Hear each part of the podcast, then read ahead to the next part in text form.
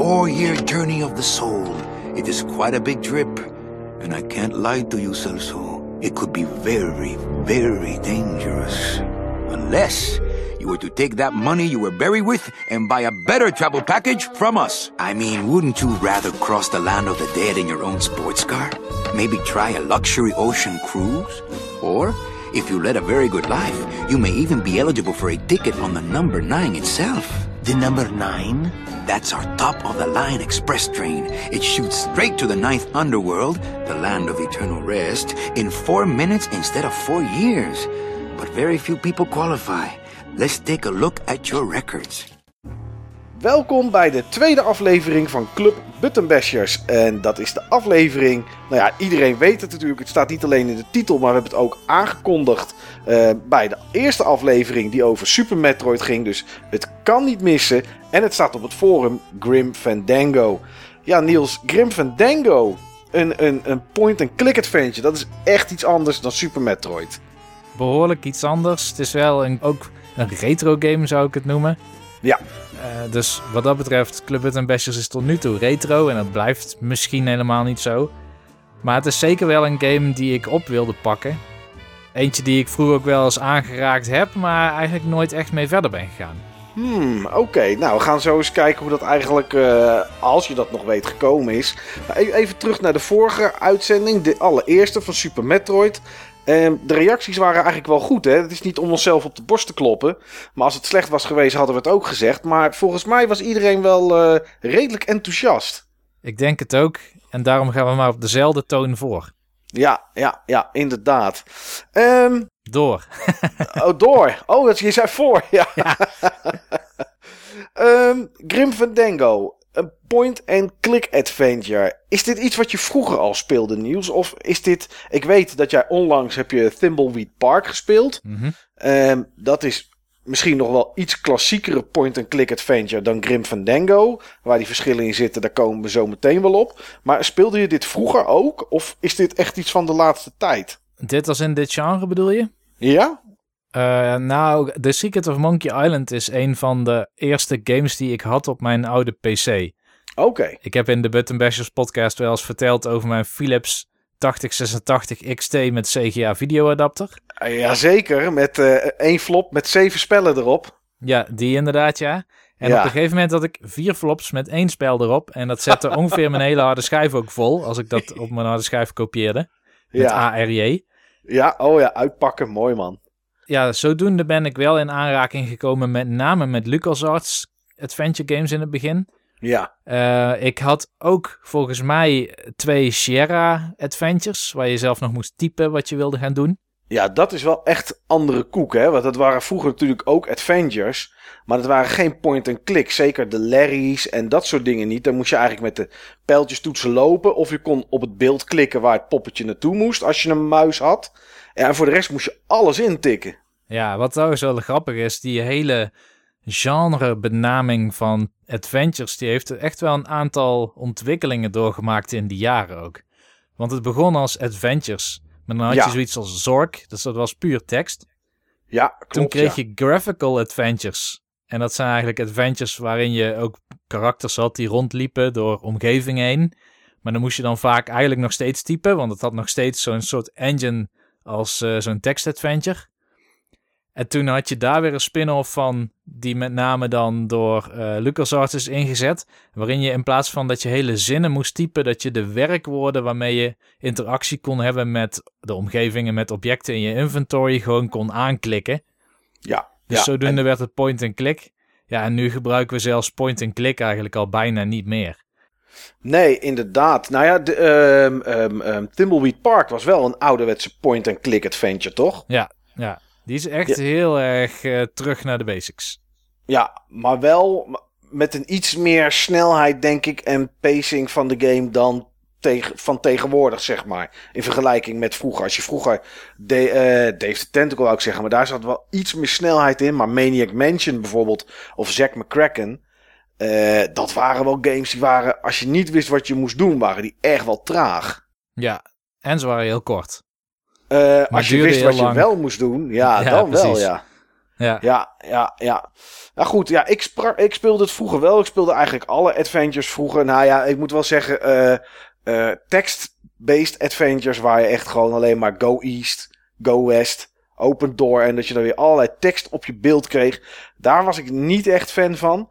Maar toen op een gegeven moment, eh nou ja, Maniac Mansion, eh, zoals net al gezegd, Jack McCracken, dat was echt een van mijn favoriete games. En ik weet niet of ik eh, alles op volgorde precies wist. Maar ik heb wel eens ergens bij iemand gezeten en ik zei: Ik ga je laten zien hoe je hem uit moet spelen.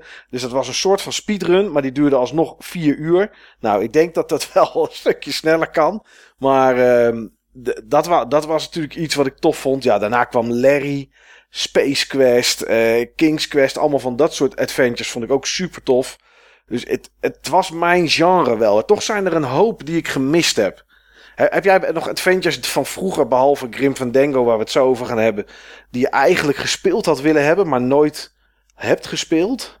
Ja, ik heb bijvoorbeeld Beneath a Steel Sky nooit gespeeld. Oh, die wil ik ook spelen. Ik heb hem en ik heb hem voor de Amiga en weet ik wat allemaal. Ik Ja. kan hem zo opstarten. Ja, en, en ik had het ook met Simon the Sorcerer. Eh, die heb ik wel gespeeld. Er zijn twee delen van, dacht ik. Ja, klopt. Ja, ja. Maar dat heb ik, ja, ik heb het wel eens opgestart. Dacht ik, oh, dit wil ik spelen. En dan kwam het er nooit meer van. En dat, ja, het zijn natuurlijk ook geen games die je eventjes een uurtje oppakt. Want dan is het vaak net even wat te kort.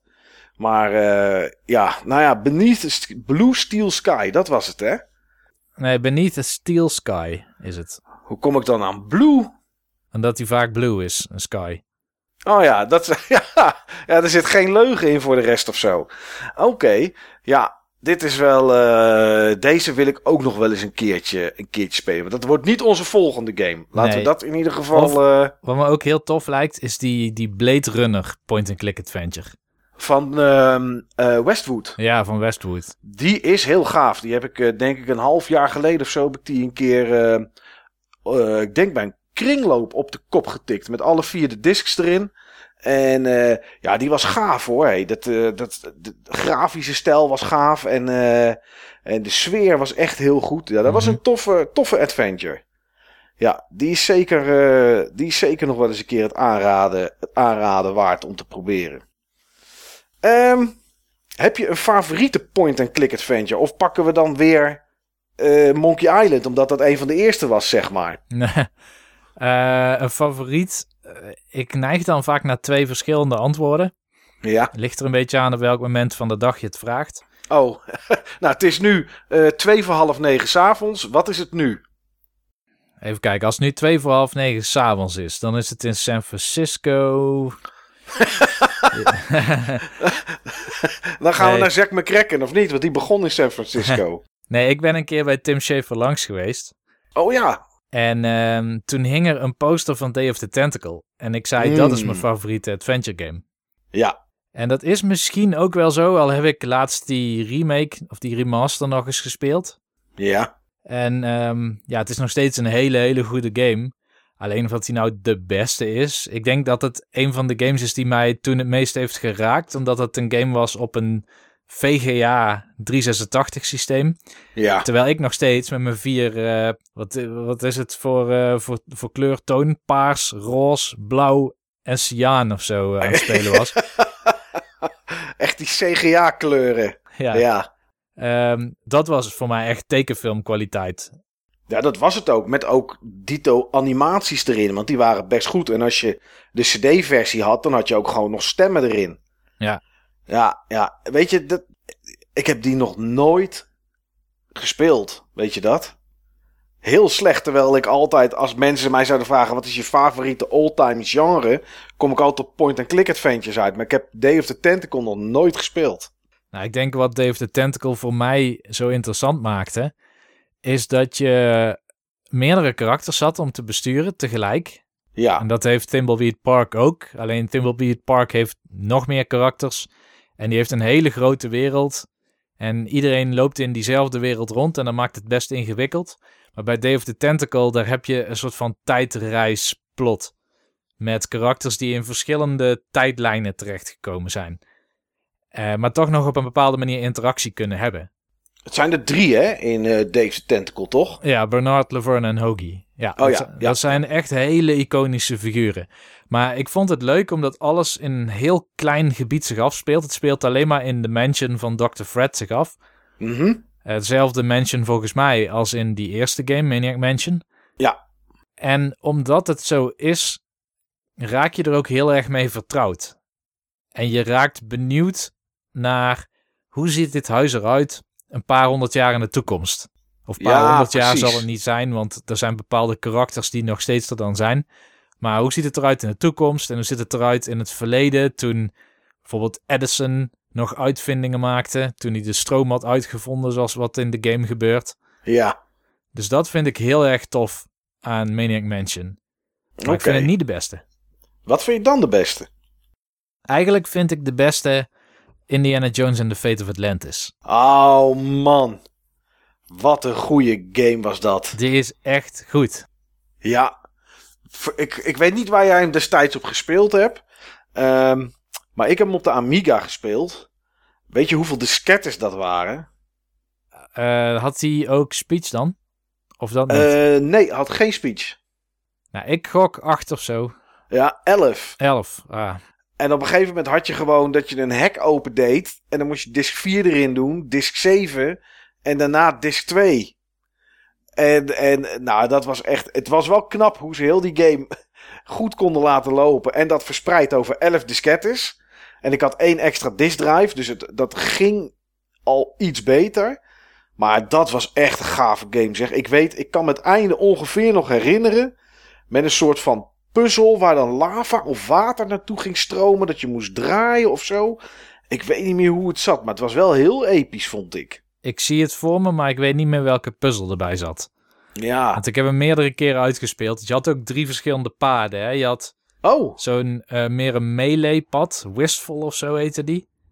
En je hebt een pad waarin Sophia bij je blijft. Dat is die vrouw. ja. En je hebt volgens mij nog een pad waar juist een aandacht op puzzels komt te liggen. Oh, echt waar, joh? Dat wist ik helemaal niet. Oh, damn, dat is wel cool, zeg. Ja, heel tof. En locaties zijn geweldig in dat spel. Ja, ja, ja. Begint bij boxring of een bibliotheek of zo. Ja, begint in een boxring volgens mij. En daarna ga je naar de bibliotheek en dan X marks the spot. Voor de mensen die het gespeeld hebben weten precies wat dat, eh, wat dat inhoudt. Ja, gave game man. Indiana Ja. Jones of the Fate en The Fate of Atlantis. Ja. Ja, als ik voor mij één favoriete... Ja, dit we tot nu genoemd hebben waren allemaal favoriet. Maar ik vond de Monkey Island de eerste drie. Na vierde vond ik ook nog wel oké. Eh, die vond ik echt heel gaaf. Eh, Loom vind ik een leuke adventure. Vooral omdat je die in twee uur uit kan spelen of zo. Dus dat is gewoon leuk om af en toe nog eens eventjes een, eh, een, keertje, een keertje te doen. Ja, ik moet er ook zeggen dat Larry 3, dat ik me daar wel echt heel erg... Het is geen point-and-click, maar dat dat wel een adventure was waar ik me echt heel veel, eh, veel, heel veel mee vermaakt heb. Hmm. Ja, gaaf man. Maar goed, je zei het aan het begin al. Grim Fandango heb je vroeger eh, wel of niet even gespeeld. Wat was het nou? Heel even. Wel even, ja hè? Ja, ik had hem gehuurd bij de bibliotheek. Ah, Dus ja. dan heb je zo'n grote kaartenbak. En eh, daar zitten dan de covers van de PC big boxes, zeg maar, in. ja. Toen had ik Grim Fandango gevonden. En dat was toen ook volgens mij de nieuwe LucasArts game. Dat was ook echt een, een Windows-only game, dacht ik. Ja, ja, de, eh, ja volgens mij... Oeh, ik vraag me af of die Windows only was. Want volgens mij was... Oh, ik kan nu weer niet op de naam komen. Die adventure game met die motor. Eh, full Ook Throttle. van, ja, Full Throttle. Volgens mij was die er ook voor DOS, maar dat weet ik niet zeker. En die kwam daarna volgens mij. Die kwam volgens mij na Grim Fandango. Ja, hij is ook voor DOS uitgekomen, zo te zien. Oké. Ja, maar goed, het was in ieder geval een CD-ROM. En ehm, ik wilde die game natuurlijk langer spelen dan voor zolang je hem kon huren. Ja. Dus de truc was altijd om hem zo snel mogelijk op een bepaalde manier te kopiëren en te zorgen dat je hem lokaal kon draaien. En dat betekende meestal dat je hem zelf maar moest kraken. Ja. En bij sommige spellen was het heel eenvoudig, want dan stond er ergens een batch file, een .bat file. En die kon je openen en die verwees dan naar een drive. En dan verwees je die in plaats van naar die drive gewoon naar je eigen harde schijf. Naar de folder Oh, waar je ja. game stond. En soms moest je er een hex editor voor hebben. Maar het viel meestal wel mee. Maar het was bij deze game volgens mij niet gelukt. Bij mij. Ah, oké. Dus je had hem korter dan je eigenlijk wilde. Korter dan ik wilde en ik had bijna alle tijd gestoken om die game toen te kraken. en na drie dagen of zo moest hij weer terug en toen was het niet gelukt. Dus dan heb je eigenlijk niet zo heel veel gespeeld.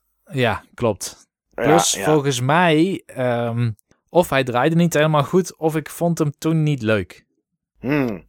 Nou, dat laatste herken ik wel, want dat had ik ook een beetje.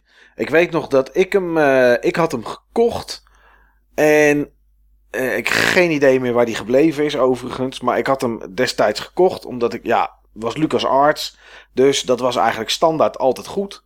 Maar ik kon er niet zo erg inkomen. Ik weet niet, ik vond het thema niet zo bijzonder. Een collega van mij destijds wel. Die was helemaal, uh, helemaal gek van die game. En die vond het geweldig. En uh, nou ja, die vond er eigenlijk niks slechts aan.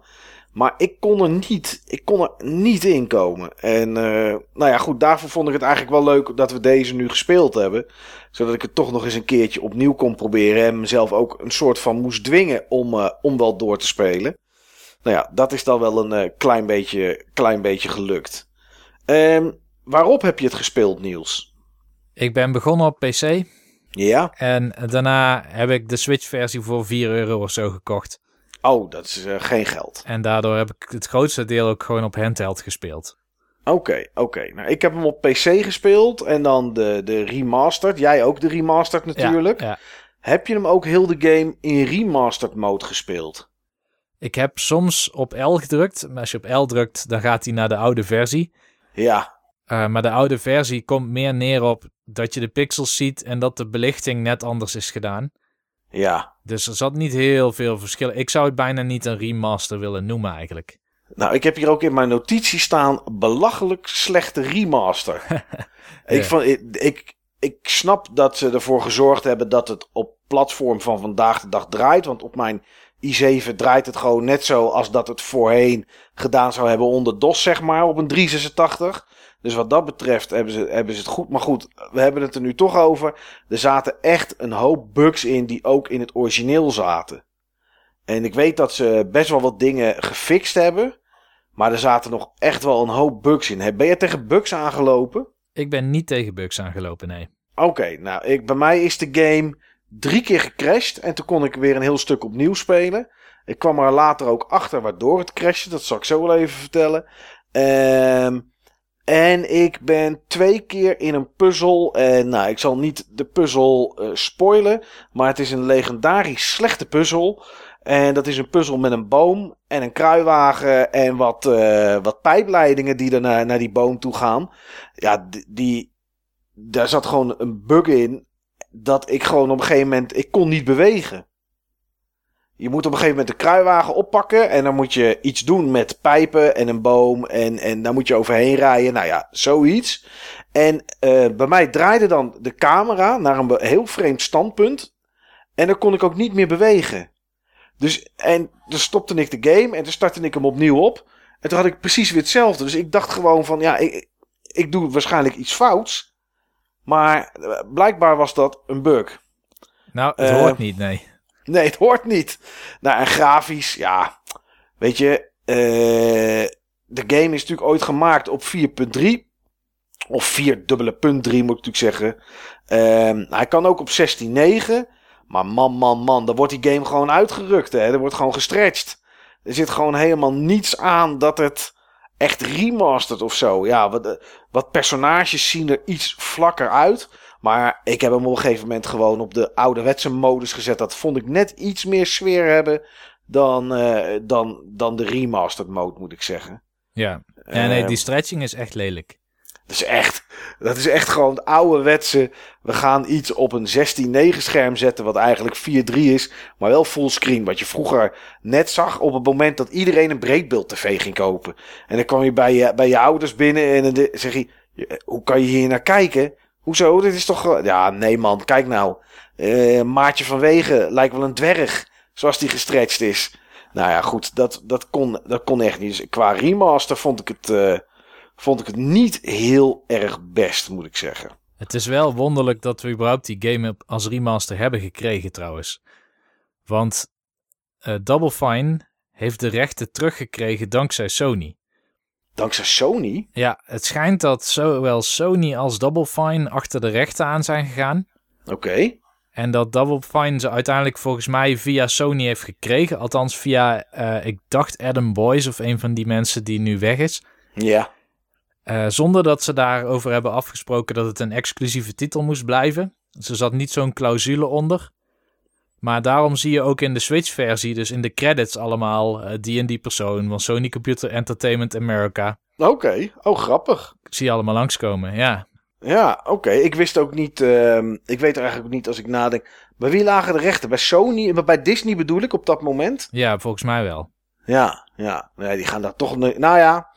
Ze schijnen Lucas, eh, Lucas Games weer opgestart te hebben. Een jaar geleden of zo. Of anderhalf jaar geleden. Dus wie weet gaan ze er ooit nog iets, eh, nog iets mee doen. Busy as ever, I see. I'd have more work to do if you had more clients. Ouch. Ja, Niels, even globaal. Hoe beviel deze game je? Oh, ik heb veel stemmingswisselingen gehad rondom deze game. Oké, nou begin eens bij het begin. Maar Laat, laten we even. eh, eh, de game, waar gaat het over? En ik zou het Ja. knap vinden als je dat kan vertellen, namelijk.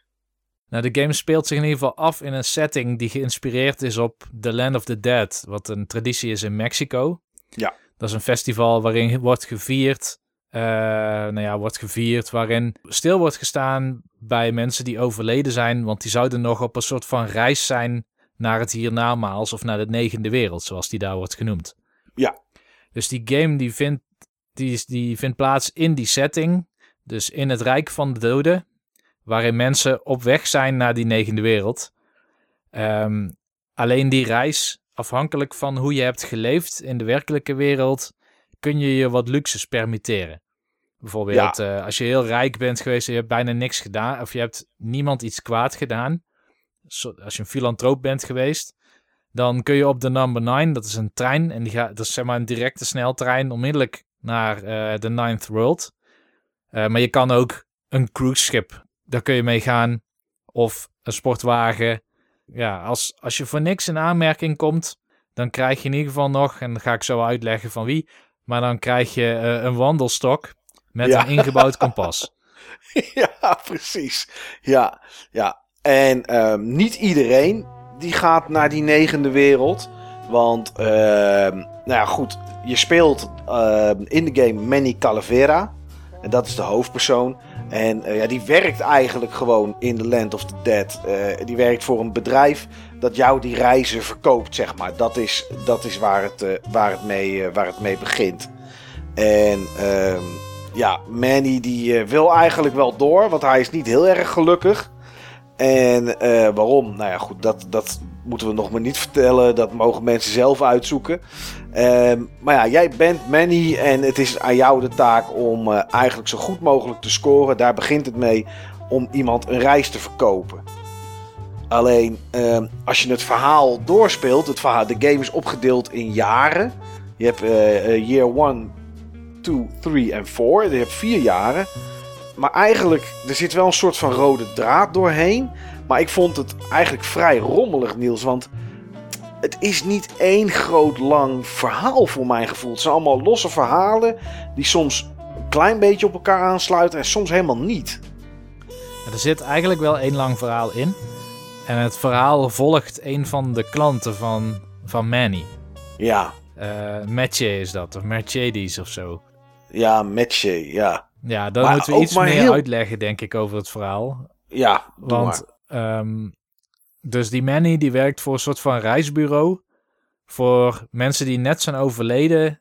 Om ze te helpen naar die negende wereld. Sowieso, die wereld, dat zijn niet alleen maar reizende mensen. Er zitten heel veel ehm, mensen met onvoltooide reis in. Of doden moet ik zeggen. Doden met onvoltooide reis.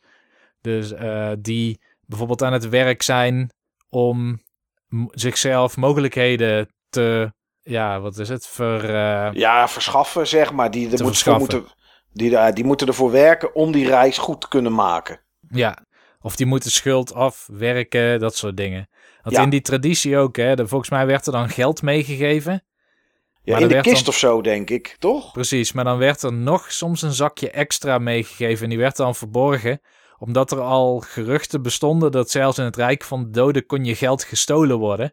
En dan kon je misschien nog niet effectief naar de negende wereld. Of met Oh, luxe of grappig. zo. Dus die setting is heel erg gaaf. Maar je hebt inderdaad dus één klant, Matchy. eh, die heeft Manny gestolen van zijn conculega. Of zijn collega is het eigenlijk, maar het is meer een rivaal Ja. in hetzelfde bedrijf. Want die krijgt allerlei goede klanten. En Manny denkt dat er een doorgestoken kaart is. Ja, dat er iets achter schuilt waarom die gast altijd eh, de rijke klanten heeft. En hij, eh, nou ja, goed. Altijd misschien net, ja, ne- ja, net zo'n wandelstok kan afleveren, zeg maar. Ja, het zijn al massamoordenaars of zo. En die hebben eigenlijk nergens recht meer op. Nee. Eh, maar hij steelt dus een klant. En hij is eerder bij diegene die is overleden. En in de computer komt hij erachter dat zij eigenlijk geen recht heeft op de number 9. Geen recht op de cruise. Geen recht op de sportauto. Dus normaal zou je dan automatisch die, eh, die wandelstok krijgen. Alleen als hij haar ondervraagt. Zij heeft nooit iemand ook maar met een vinger aangeraakt. Of een vlieg Nee. kwaad gedaan. Ze is eigenlijk zeg maar de moeder Teresa. Die daar dan net in het Rijk van de Doden is aangekomen. Dus daar klopt ook iets niet. En dat zit Manny dwars. En dat zet hem ook op dat avontuur. Dus het is voor hem ook. Hij gelooft in zijn klant. En hij wil dat zijn klant toekomt wat zij verdient. En dat Ja. is eigenlijk de rode draad in die vier chapters. Maar het is wel heel verwarrend in het begin, omdat je probeert om te wennen aan een omgeving en aan een rol die je daarin hebt. Maar jouw rol in je omgeving, die veranderen doorgaans. Ja. Nou ja, wat, wat ik er vooral eh, jammer aan vind, is dat als je bijvoorbeeld jaar 2 neemt. eh, we komen zo nog wel even terug op jaar 1. ehm, dan zie je aan het begin, zie je Matchay, zie je heel eventjes. En dat is het dan.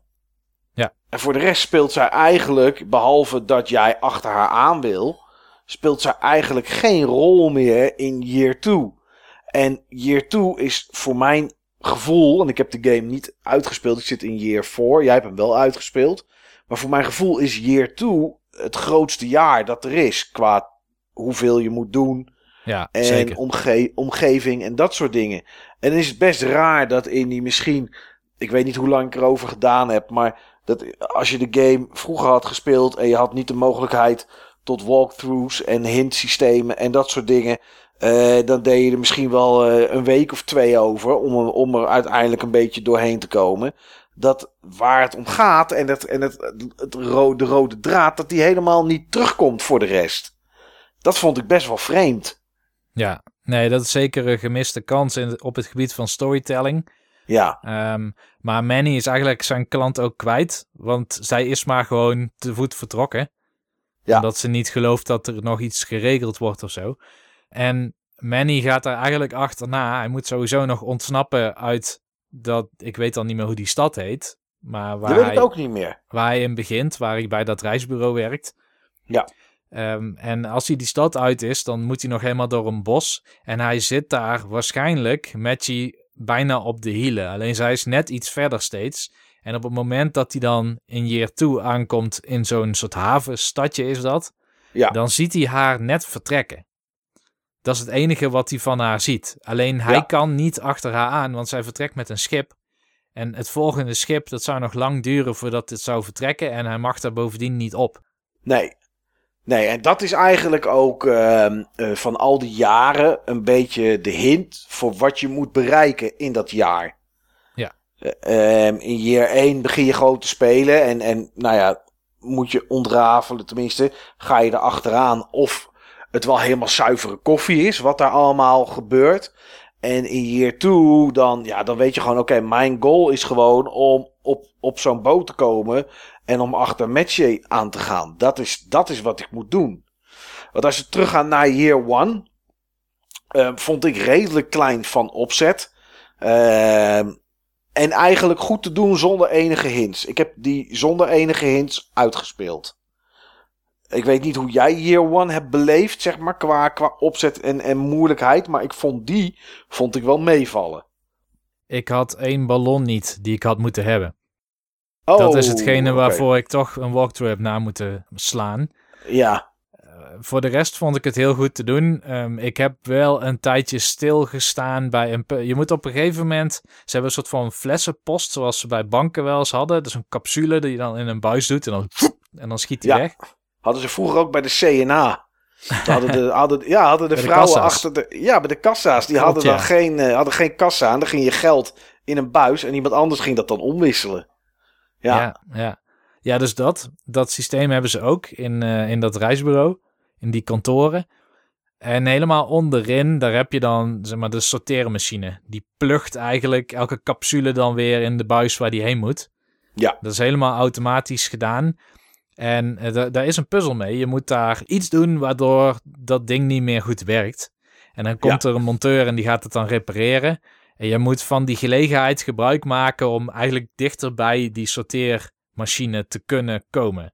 Ehm, alleen wat je daarvoor moet doen, is je moet de deur, je moet het slot erop zetten of zo, zodat de deur niet automatisch in zijn slot valt, maar net tegen wordt gehouden door een soort van palletje, zeg maar. Ja je, moet eigenlijk de, de, eh, je moet hem eigenlijk op slot doen terwijl die open is. En als de monteur wegloopt, dan, sla, dan gooit hij de deur dicht. Zo van, die is dicht. En dan blijft die openstaan inderdaad. Juist. Ja. ja, daar heb ik toch wel een tijdje op stilgezeten. Ja, Eh, ik heb er volgens mij geen walkthrough voor gepakt, maar ik vond dat een niet logische puzzel. Maar goed, het is een adventure game van LucasArts.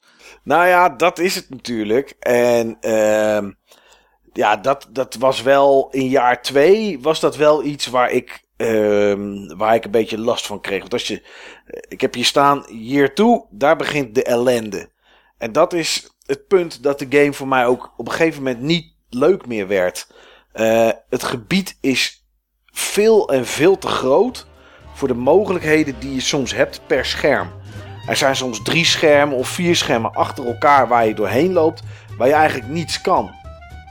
En eh, je zou bijna zou je notities moeten maken waar personages zitten. Je zou bijna een map moeten tekenen af en toe, vond ik Ja, omdat je gebouwen in kan en dan kan je naar vier hoog, maar daar gebeurt niks. Eh, dan kan je een ander gebouw kan je naar de kelder, dan kan je achter doorlopen. En daar in Year 2 begon voor mij ook een van de grootste minpunten van deze game. En dat is eh, zien welke kant je opkwam, op kan.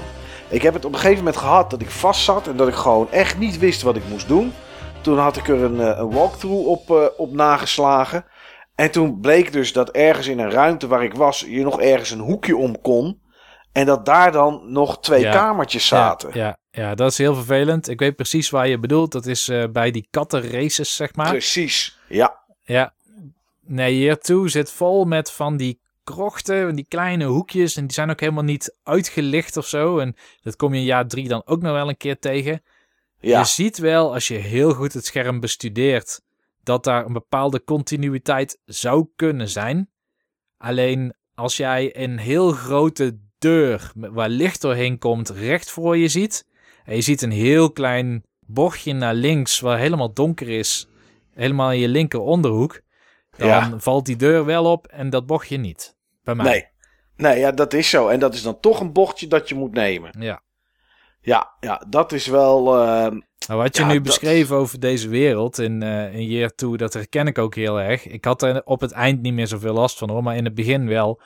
Maar de vorige LucasArts games, die hadden altijd een soort van overworld. En dan kon je heel snel tussen key locaties heen lopen. ja, En een, een locatie was dan een scherm of drie, vier. Met misschien een huis erin, waar dan weer twee schermen in zaten. Maar het was niet een heel groot aaneengesloten gebied. En Nee, dat klopt. is dit wel. Je kan helemaal op een gegeven moment van het casino, waar het chapter in start, kun je, eh, je via twee routes, via de hoofdingang en volgens mij ook via een andere ingang, kun je uitkomen bij een tatoeageparlor op een Ja. pier. En dat is super ver weg. ja, dat klopt. En dan ga je. En is er ineens ergens een lift.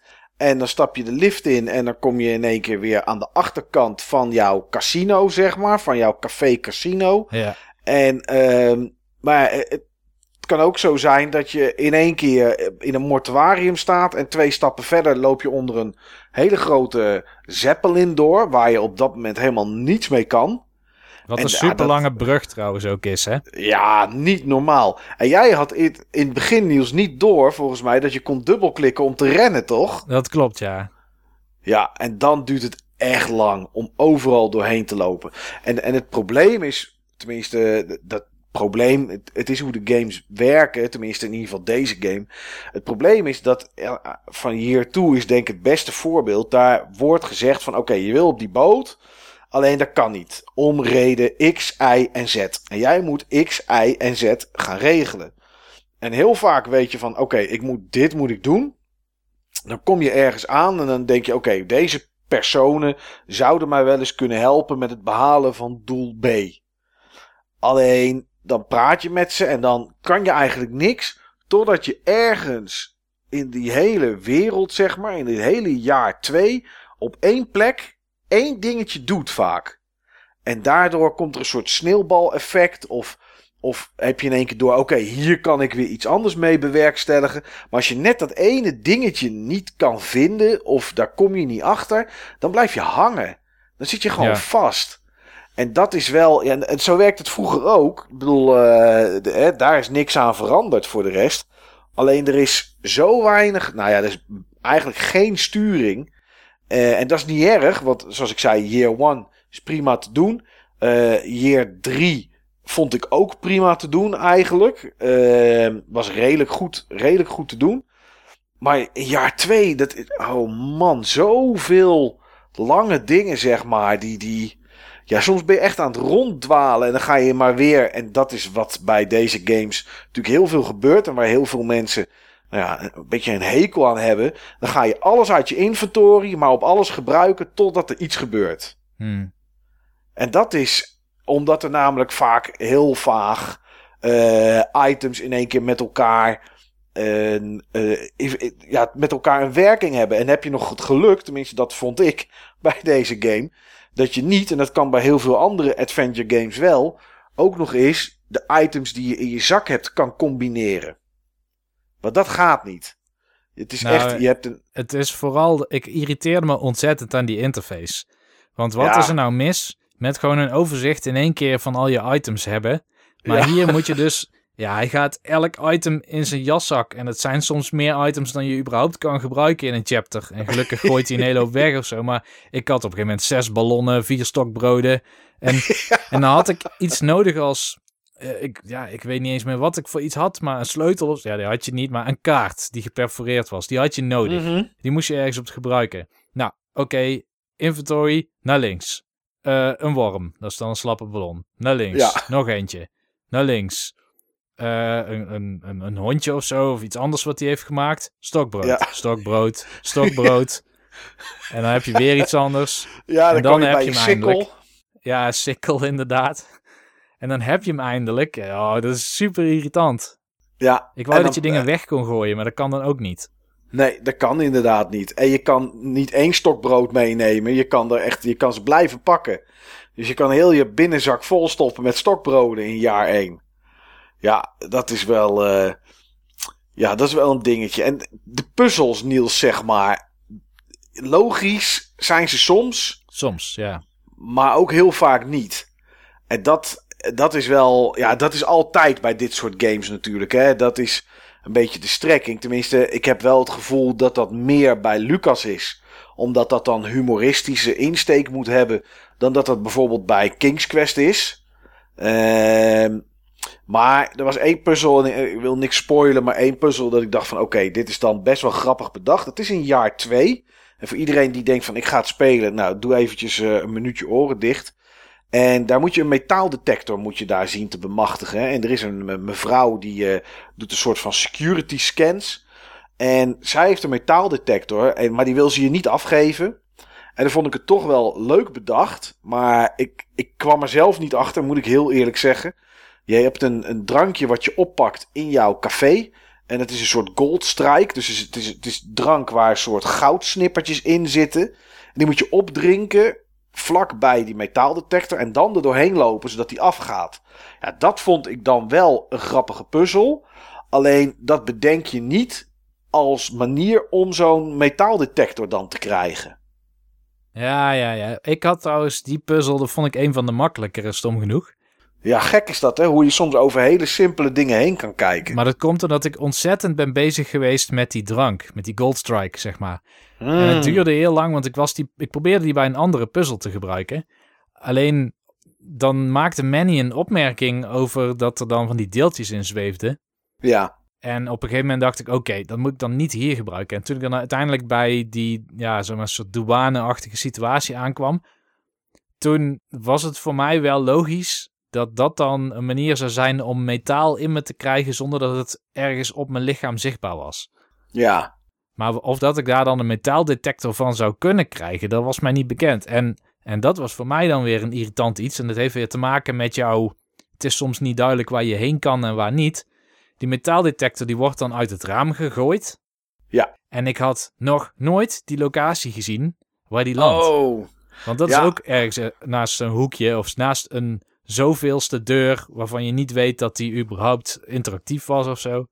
Ja, je moet dan lopen en dan moet je een, een, een speciaal hoekje om. En daar staat dan een soort grote opgezette kat. Waar je dan niet zoveel mee kan, maar je wel denkt dat je er iets mee kan. Dus ook daar ga je al je items op proberen. Ehm, en daarna is het daar dan een kamer aan en daar is dan een hele grote kattenbak. En daar ligt die metaaldetector dan in. Ja. Ja, En daar ligt nog iets.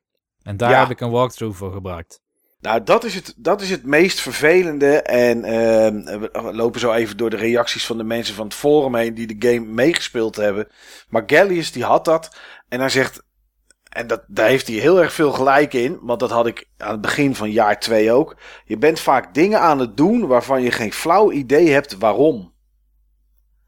En dat is het grote nadeel, denk ik, aan, aan een game zoals deze. Ehm, in jaar 2 ben je met een casino. En ehm, je kan dat manipuleren, het, het spel dat gespeeld wordt. En dat deed ik aan het begin zonder dat ik door had dat ik het deed. En toen had ik iets bewerkstelligd, wat ik later nog een keer moest bewerkstelligen. En toen er gebeurde dus iets, maar ik wist gewoon niet waarom. Ik wist niet wat ik gedaan had, maar ik had wel iets gedaan. Ja, dat voelt toch een beetje vreemd. Dan denk je, oké, heb ik hier iets gemist? Is het, eh, dat is wel, ja, dat blijft toch wel een beetje jammer aan, eh, aan games zoals deze. Ja, of dat je iemand meerdere keren aan moet spreken en dat je dan pas iets krijgt. Ja, Dat is ook super, super irritant. ja. Ehm, nou ja, na jaar 2 ga je naar jaar 3. Die vond ik weer wat kort en wat kleiner. Eh, beter te doen, moet ik heel eerlijk zeggen. Maar ehm, ja, daar zat ook wel weer iets in.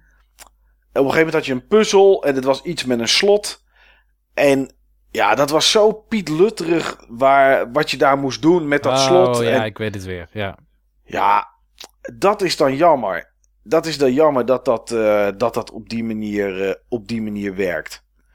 Ehm, ja, jaar 4, dat is het laatste jaar. Ja, jij hebt hem uitgespeeld, Niels. Ehm, jaar 4 kom je weer terug op de locatie van jaar 2. Dus voor als je zit te luisteren, en je had je oren niet dicht. Ja, goed. Weet je, de game is zo oud. Eh, ik denk dat we dat nu al inmiddels kunnen vertellen. ja, onder andere terug op de locatie van jaar 2. Oké, nou, daar, daar ben ik dus terechtgekomen. En toen dacht ik, ah nee, ik heb geen zin in weer jaar 2. Ehm, ja, wat kan jij nog, zonder al te veel spoilers te vertellen, Niels, vertellen over jaar 4? Wat gebeurde daar ook? Oh ja, ik weet het weer. Ehm, in jaar 4, ja, dat, dat is geen spoiler, maar je komt in de buurt van die poort naar de Ninth World. Oké, En ehm, dan is het nog zaak dat daar een, eh, wat is het, een vervoersbewijs heeft of zo. Of niet iedereen mag daar zomaar naar binnen. oké. En, en bovendien, ehm, misschien zijn er nog mensen die iets zouden moeten krijgen van je. Maakt het even heel Hmm. cryptisch. Ja, dat is ook een reden waarom je teruggaat. Ah, om een soort dingen af te ronden of zo, zeg juist, juist. maar. Ah, oké. Hoe is die qua lengte in verhouding tot de andere jaren, zeg maar? Uit mijn hoofd was die echt heel kort. Oké. Was die veel korter nog dan, eh, dan chapter 3. Oké, oh, dat is inderdaad niet zo, eh, niet zo heel erg lang. Ehm, Maar ik, ja, ik herinner me alleen nog de laatste scènes. Daar ga ik het niet over hebben. Maar nee. jaar drie was voor mij in een flits voorbij. Ja, oké. Bovendien, ik was heel blij trouwens dat ik terugkwam in jaar 2. Want ik vond jaar 2 oprecht superleuk. Of leuk. Ehm, niet alles was natuurlijk leuk. Er zitten heel veel frustrerende puzzels in. Ja, Maar de hele setting. Het is eigenlijk Casablanca, de film dan. Maar dan in Mhm. de game. Dus film noir. Je bent eigenaar van een casino. Eh, dat casino is eigenlijk een soort plek waarin de onderwereld eigenlijk de dienst uitmaakt in de stad. ja, Eigenlijk bepalen zij het beleid. Ehm, eh, je ziet er ook hele grote verschillen tussen arm en rijk. Je hebt een soort van vakbondbeweging die helemaal klaar is met eh, het werk wat er is. Daar zoek je aansluiting bij. Ehm, en je hebt die, die, die, die hele goktoestanden met die katten en zo die er lopen. Ja, Dus ja. Ik vond die setting echt heel erg gaaf. En hele toffe karakters trouwens. We hebben het niet eens over de karakters gehad. Nee, nou daar wilde ik nu een beetje naartoe sturen inderdaad. De personages. Dat enige reden dat ik de game nu nog zou uitspelen. En eh, goed, dan komen we een beetje tot de conclusie. Maar goed, er is nog best wel wat om te vertellen. Maar is dat ik de personages zijn voor mij de drijfveer om het door te spelen. Ja, dat snap ik. En ehm, ik kan me niet heugen, en ik heb er over nagedacht. Maar goed, dus eh, ik kan me geen enkel personage bedenken dat ik irritant vond, of slecht geschreven, of slecht gescript, of wat dan ook. Voice Dat acting is... ook heel goed. Die is ook heel goed. Ja, dat is echt van allemaal, is dat heel erg to the point. Ja. En dat vind ik wel echt heel knap. De personages en het. Nou ja, goed. En hun kleine eigen verhalen. Die zijn wel heel erg tof. En ze hebben ook allemaal wel echt hun eigen karakter. Als je kijkt, zeg maar. En, ehm, en dat is wel. Ja, dat is echt heel goed. Dat zou wel een reden zijn voor mij om te zeggen. Nou, als je de game nog nooit gespeeld hebt. Is dit misschien een reden om hem te spelen? Ja, noem eens één of twee karakters die jou heel positief zijn bijgebleven. Ehm, ik vind Manny zelf, zeg Ja, maar. ja. Manny zelf, de hoofdpersoon, vind ik wel echt eh, heel erg tof.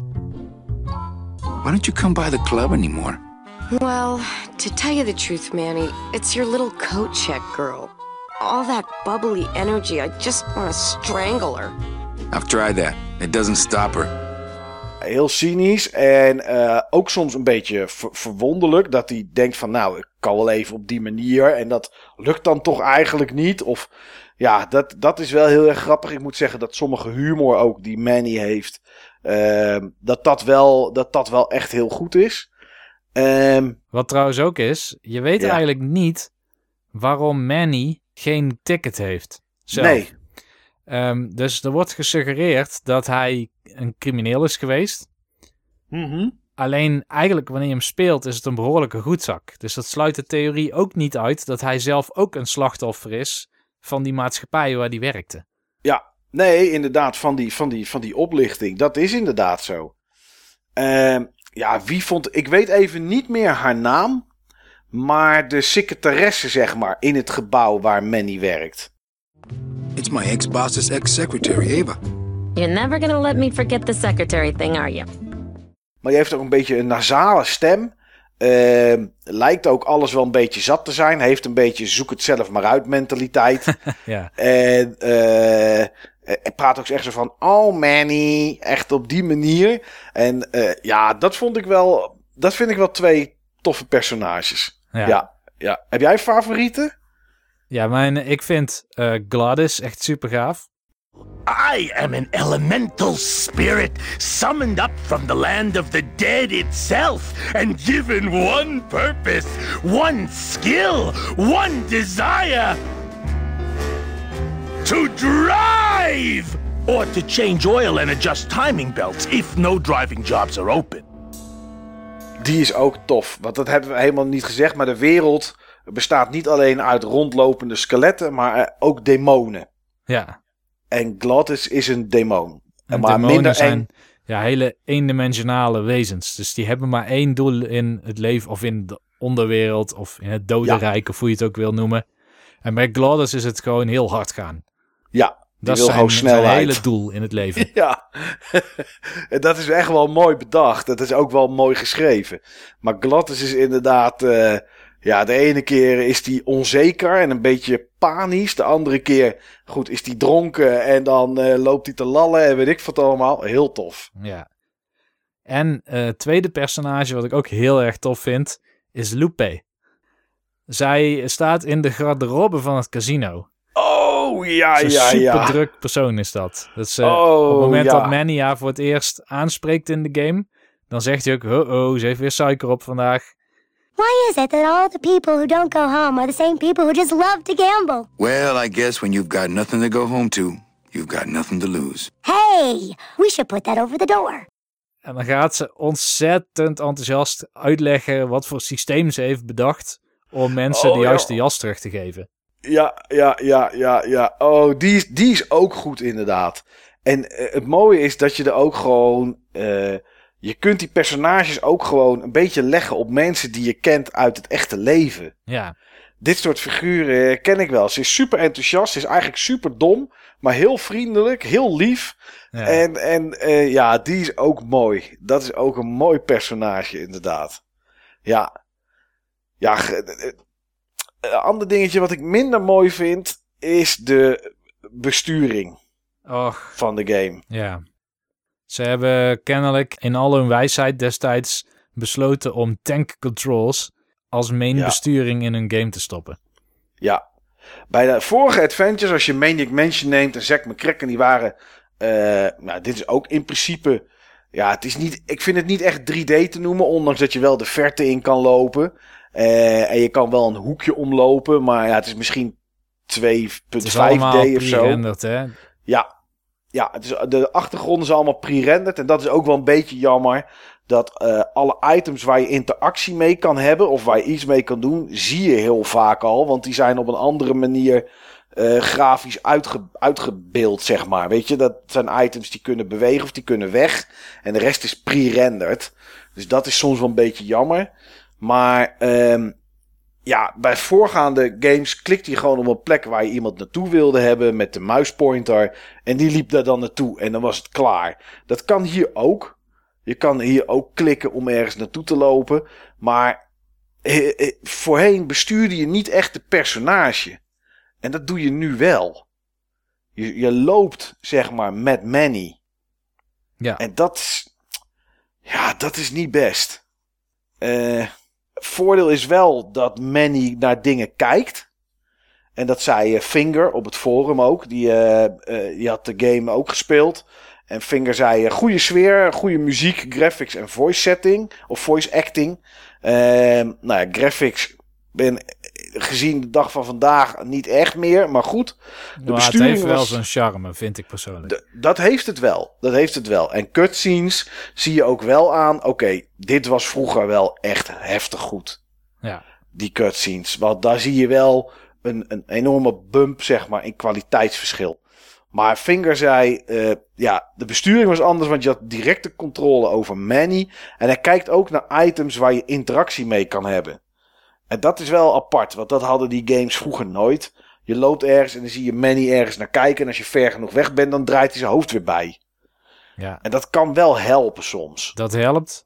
Als Manny niet ergens helemaal achter in een kattenbak staat, waar één pixel wit is en waar Manny drie pixels is, Ja, en waar hij dan kennelijk naar, die, naar dat ding kijkt. ja, ja dat, Oh, is, eh, ja. ja. dat, dat is wel zo. Maar inderdaad, wanneer Manny dicht bij de camera staat, dus ik kies ook wel toffe standpunten van die camera, het komt heel cinematisch over op die manier. Ja. Dan is dat wel een leuke manier om een soort van interactie in die wereld te hebben, zonder dat een soort interface element heel erg de aandacht van je opeist. Ja, ja dat, is, eh, dat is wel zo.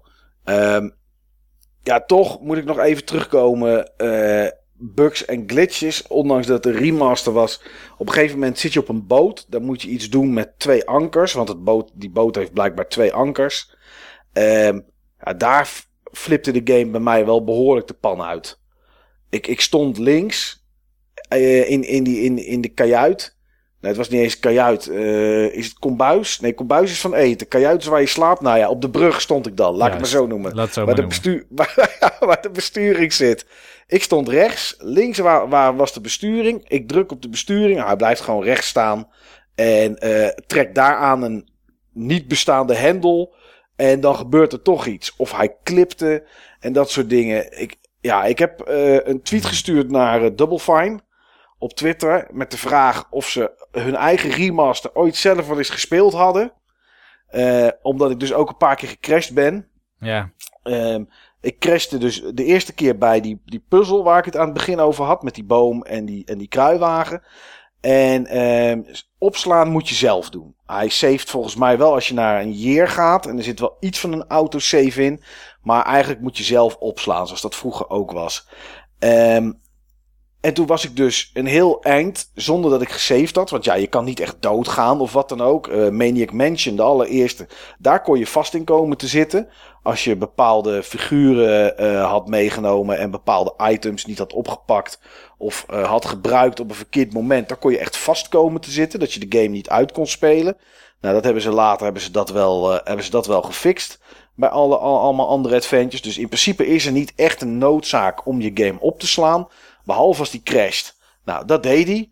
Toen dacht ik, oké, nu moet ik alles opnieuw doen. Ehm, of een heel stuk in ieder geval.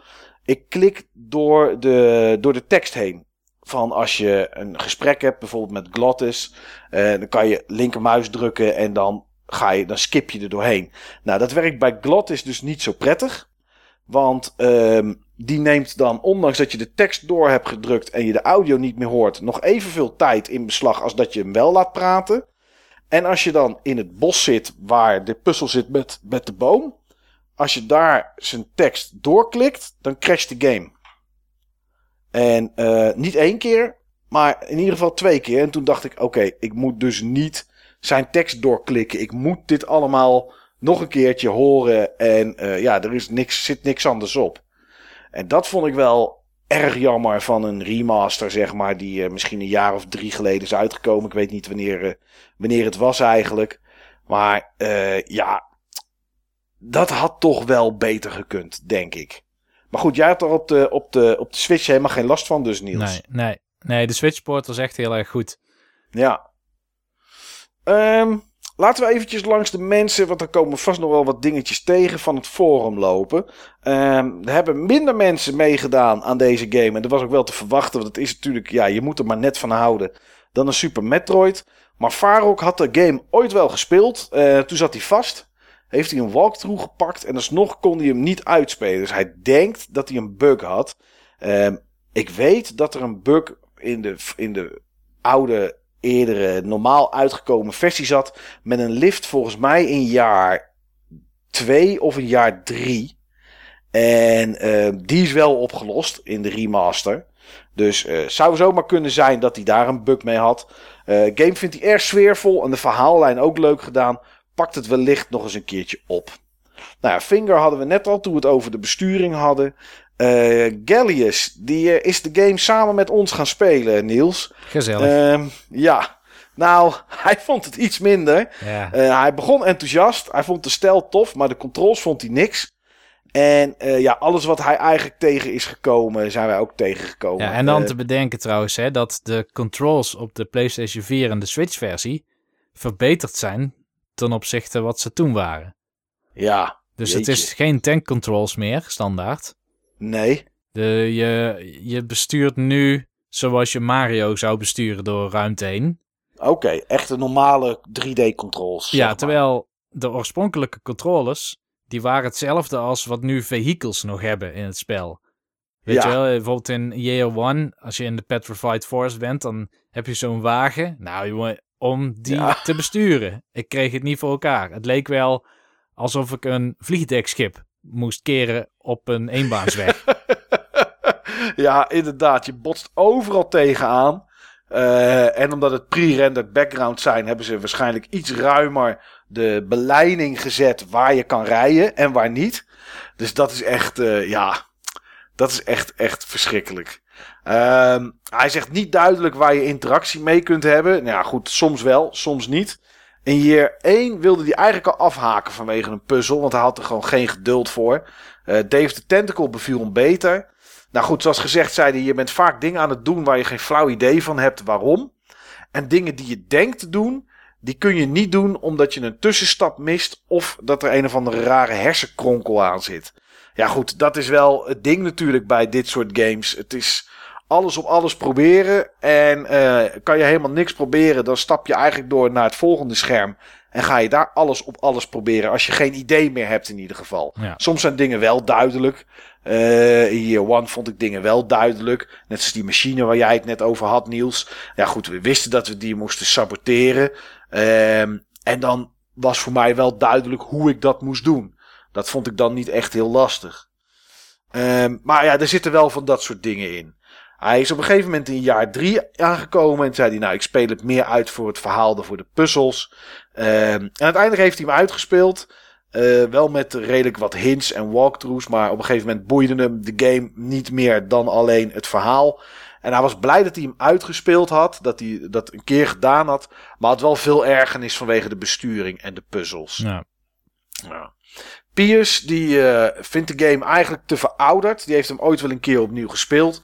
En hij komt bijvoorbeeld wel uh, Leisure Suit Larry uh, Love for Sale. Die uh, ongeveer dezelfde periode uitkwam. Die vond hij beter oud geworden dan dat, uh, dan dat Grim van Dango was oud geworden. Wonderzwaan heeft ook meegespeeld. Vindt de presentatie leuk. Grappige dialogen. Nou, dat zijn het ook. Typische stemmen. Zeker. Hele goede stemmen waar we het net over hadden.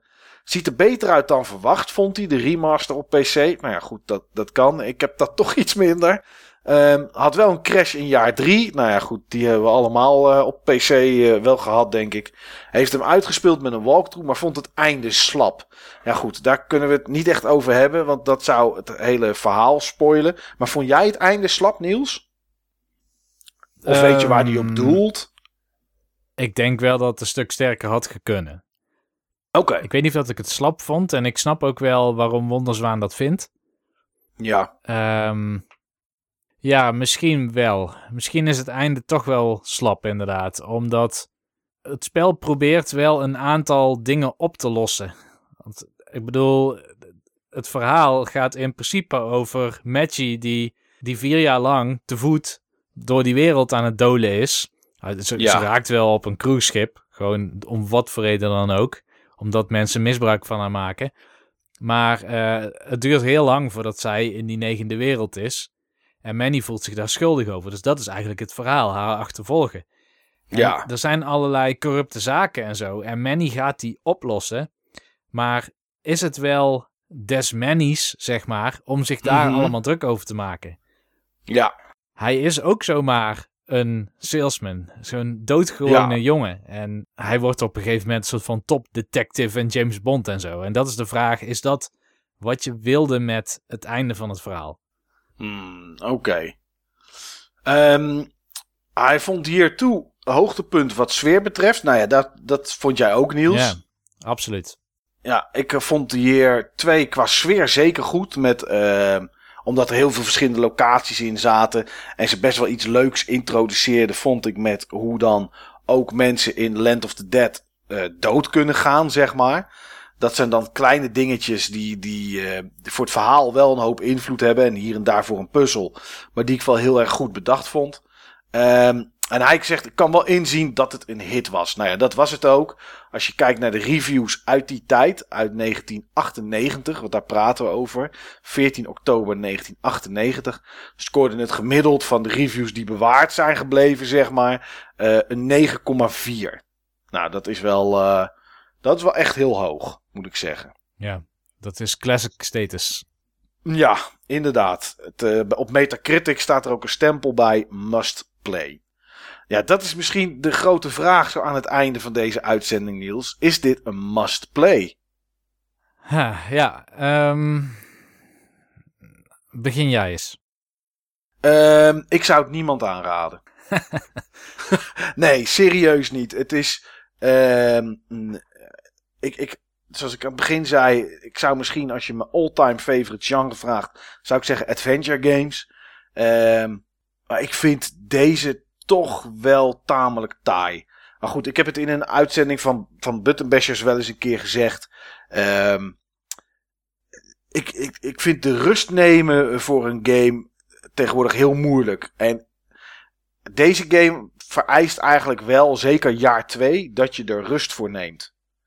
Je moet rustig rondlopen, je moet met iedereen praten. Dat heb ik ook netjes gedaan. Ik skip dat ook niet door of zo. Want dat zijn voor mij wel een beetje uh, de krenten uit de pap, zeg maar. Want die gesprekken en die stemmen en die personages, die zijn gewoon, gewoon supergoed. En dat is waar ik me ook dan enorm mee vermaak. Dus het is niet dat ik daar doorheen klik uh, of wat dan ook.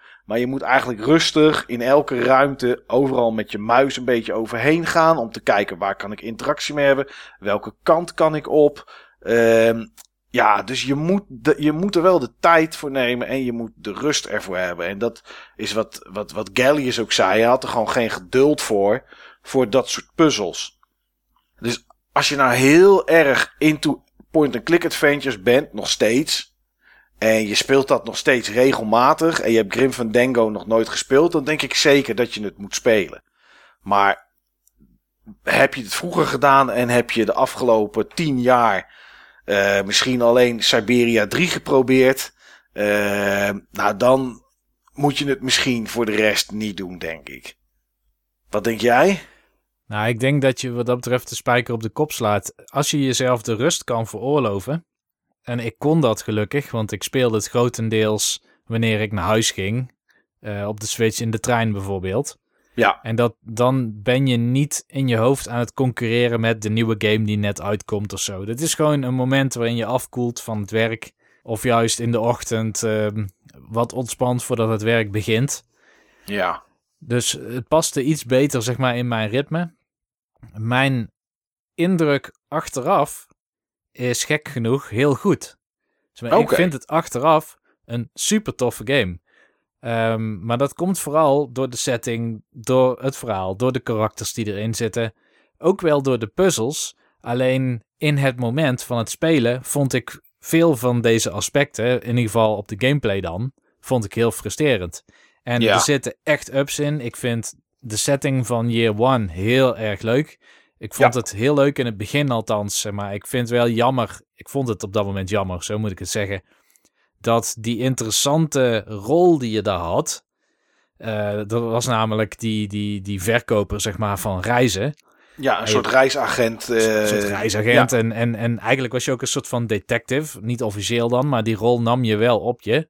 nou ja, je krijgt dan richting het eindelijk wel, richting het einde van jaar 1, wel een soort van toebedeeld, zeg maar. Ook een heel leuk stukje vond ik dat. Ja, en toen was ik even gefrustreerd toen je daar zeg maar wegging. Ja. Toen was ik niet meer rolvast. En nee. voor mij werkt het heel goed bij dit soort spellen als ik gewoon mij in een rol kan inleven die zo'n karakter heeft. Maar als die rol verandert gedurende het spel, dan is dat op dat moment vrij frustrerend. Dus maar ik snap nu na die vier arcs, die vier jaren, dat het verhaal niet was dat jij een salesman bent of een, uh, een reisverkoper bent. Nee, het, nee. Het nee. verhaal is eigenlijk uh, het volgen van matchen, zeg maar. En dan ja. maakt het wel weer sens dat je op verschillende locaties komt en dat daar die vier jaren overheen gaan die het duurt om door dat land van de doden heen te trekken. Ja. Um, dus waar ik in het moment soms. Oh ja, en dan vooral het einde van chapter 1 vond ik echt heel vervelend in dat forest. Ja, dat was waren uh, niet, niet leuke best. stukken. Zag er niet leuk uit. Je had geen karakters. Je had alleen Gladys daar. Ja. Je had wel trouwens die brandende bevers, zeg maar. Dat was dan grappig. Ja, maar... ja, maar ook een verschrikkelijke puzzel waarbij je iets vier keer moet herhalen. Ja. Ja, dat is niet leuk. Voor nee. mij, um, als je Year 1 en Year 2 had, en de game was Ja. afgelopen, dan had ik het super gaaf gevonden. Dan was het sowieso een recommendation van mijn kant. Ja, Ehm, alleen het spel heeft meer ambitie dan alleen dat. Terwijl de kracht zit hem juist in, en dat zegt bijna iedereen, in vooral dat jaar 2. Want die setting is interessant. Je hebt veel locaties en karakters waar je iets mee moet of iets mee kan. ja. Eh, het is wat dat betreft de setting die het meest terug verwijst, of in ieder geval lijkt op de klassiekers van, eh, van Monkey Island eh, en eh Day of the Tentacle en zo. Dat soort interacties kom je daar tegen. Ehm, maar elke keer wordt de hele boel zeg maar gereset. Als je naar een nieuw jaar gaat. Je bent al je items weer kwijt. Er is bijna geen continuïteit. Nee. En dan is het maar de vraag welke van de vier games zeg maar vind je dan het leukst? Ja, eentje, de eerste vond ik leuk. De tweede vond ik heel goed. En de derde vond ik dan weer een stuk minder. En de vierde eh, vind ik, wat mij betreft, verreweg de minst leuke nog. Chapter Mm. 4 is de minst leuke van allemaal. Ja, oké. Ja, je Year One, zeg maar, de rol inderdaad die je daar hebt, vind ik echt wel uniek ook. Ja. Qua eh, wat jouw doel is in, in The Land of the Dead en wat daar... Ja, gewoon, dat is iets dat heb, had ik nog nooit in een andere game gezien. Nu nog steeds niet. Nee, maar het is ook die setting, die zet je gewoon aan het denken. Het is prikkelend. Ja, Omdat het ook gebaseerd is op een ja, soort folklore, zal ik hem maar even noemen. ja, in Mexico. Ik bedoel, dat zijn meestal al eh, wat rijkere verhalen. Die wat meer aansluiten, zeg maar, op. ehm, ja, misschien op archetypen of zo die mensen herkennen. ja, Maar dit voelt als een soort van realiteit, een andere realiteit. Van wat, hoe zou het nou zijn als jij in het rijk van de doden was? En wat nou als daar ook nog corruptie is? Zeg maar, we gaan Ja. ervan uit zeg maar, dat na het leven, dat ja, of je zegt het is helemaal afgelopen, of je hebt een soort van de romantische fantasie dat er dan nog van Ja. alles gaat gebeuren. Maar stel Ja. dat die fantasie eigenlijk te romantisch en te rooskleurig is. En dat het eigenlijk ook maar allemaal dood en verderf en misdaad en corruptie is in het hiernamaals. ja, dat het daar eigenlijk hetzelfde is zoals hier in het leven. Ja, Dat je, dat je mensen hebt die goed willen en goed doen. Maar dat er ook eigenlijk gewoon een hoop, eh, ja, een hoop criminaliteit en dat soort dingen is. ellende Ja, en mensen die misbruik maken van elkaar en zo. ja. Dus dat idee, dat vind ik superleuk. En dat is ook wat me nog steeds aanspreekt in Grim Fandango. Dus als ik de cover zie, dan heb ik daar alleen maar positieve gedachten bij. ja. Nee, als ik de cover zie waar, eh, waar Manny eh, op de voorkant pronkt, zeg maar. Dan denk ik ook wel nu, ondanks dat ik hem dan nog niet uitgespeeld heb, terug aan. eh, oh ja, dit gesprek. En oh, dat was wel grappig. En dit was wel leuk. Dat soort momenten zitten er wel veel in. Ja. Dat is wel zo, inderdaad. Ja. Nou goed, ik eh, ben blij dat ik hem een keer eh, gespeeld heb, Niels. En dan in ieder geval meer dan het uurtje of half uurtje wat ik ooit gedaan heb. Ja, ik ook. Ja, dus wat dat betreft is, eh, is denk ik de missie van, van de tweede Club Buttonbashers geslaagd. Ja, we gaan ons opmaken voor de derde. En nou ja, ik wou bijna zeggen traditiegetrouw, maar na twee keer is dat misschien een, een beetje overdreven. Hebben wij ja, een game uitgekozen om, om hierna te gaan spelen. En dat is weer heel iets anders dan Super Metroid. Heel iets anders dan Grim Fandango. Want Niels, wat gaan wij spelen? Wij gaan spelen de game Okami. Ja, oorspronkelijk voor de PS2 ehm, van Capcom. Ja, of Clover heette het geloof ik. De werkelijke ontwikkelstudio. Oh, was dat Clover? Oh, Uitgegeven door Capcom. oké, oké. Ehm, ja, en die gaan we spelen. Ehm, eh, jij bent inmiddels al begonnen, Niels, weet ik. Mhm. Ik ga eh, dit weekend beginnen. En dan, eh, nou ja, hetzelfde concept als voor Grim Fandango en als voor Super Metroid. Als je denkt van, hé, hey, dat is leuk, zeg, die ga ik spelen. Of die heb ik gespeeld en daar wil ik wat over kwijt. Nou ja, op het eh Buttonbashers forum, eh, wat te vinden is op button-bashers.nl. Je mag er www voor zetten als je dat leuk vindt, maar dat hoeft niet. Daar is een topic en ja, daar kan je meepraten. En dan gaan we jou, jouw commentaar, jouw ervaringen in ieder geval behandelen in, eh, in de volgende uitzending van Club Buttonbashers. Ik heb er wel zin in, Niels, in Okami. Ik, eh, ik ga het spelen op de Switch. Oké, ja, daar ben ik hem ook op aan het spelen. Ja? Ik heb hem volgens mij ooit op de PS3 ook gespeeld voor een deel. Toen kwam ik er niet helemaal doorheen. Toen was het, eh, ja, er was een open veld en ik kreeg een hele vage missie. Nou blijkt die missie iets te zijn waar je nog niet helemaal in het begin van de game je bezig mee hoeft te houden, zeg maar. Hmm. Ik zit er inmiddels namelijk 6,5 uur in. Dat is best wel veel al voor deze tijd. Ja, zeker. Het is ook een grote game volgens mij. Maar ik kan in ieder geval wel zeggen, iedereen die games als Zelda of eh hoe heet die ook weer, eh Darksiders bijvoorbeeld, Ja, die dat soort spellen leuk vindt, dan raad ik echt heel erg aan om Okami ook te proberen. oké. Nou goed, uh, ja, laten we het gewoon gaan doen. Uh, nou, jij bent het al gaan doen. Ik ga het, uh, ik ga het doen. En dan komen wij in onze volgende uitzending terug over, over Okami. En dan gaan we eens kijken hoe ons dat bevallen is. Goed, iedereen die input geleverd heeft op het uh, Forum, enorm bedankt. Zeker mensen zoals, zoals Gallius, die ja, zich eigenlijk door de game heen gedrukt hebben om, uh, om, toch, uh, om toch met ons mee te doen. En uh, nou ja, goed, dat verzachtte voor mij zo nu en dan in ieder geval ook een beetje de pijn. Gedeelde die, smart is halve smart, zeggen ze. Zeker, zeker weten, zeker weten. Ja, en heb je geluisterd? Vond je het leuk? nou, bedankt voor het luisteren en leuk dat, je het, dat het bevallen is. wij gaan ons opmaken voor de volgende aflevering van Club Buttonbashers.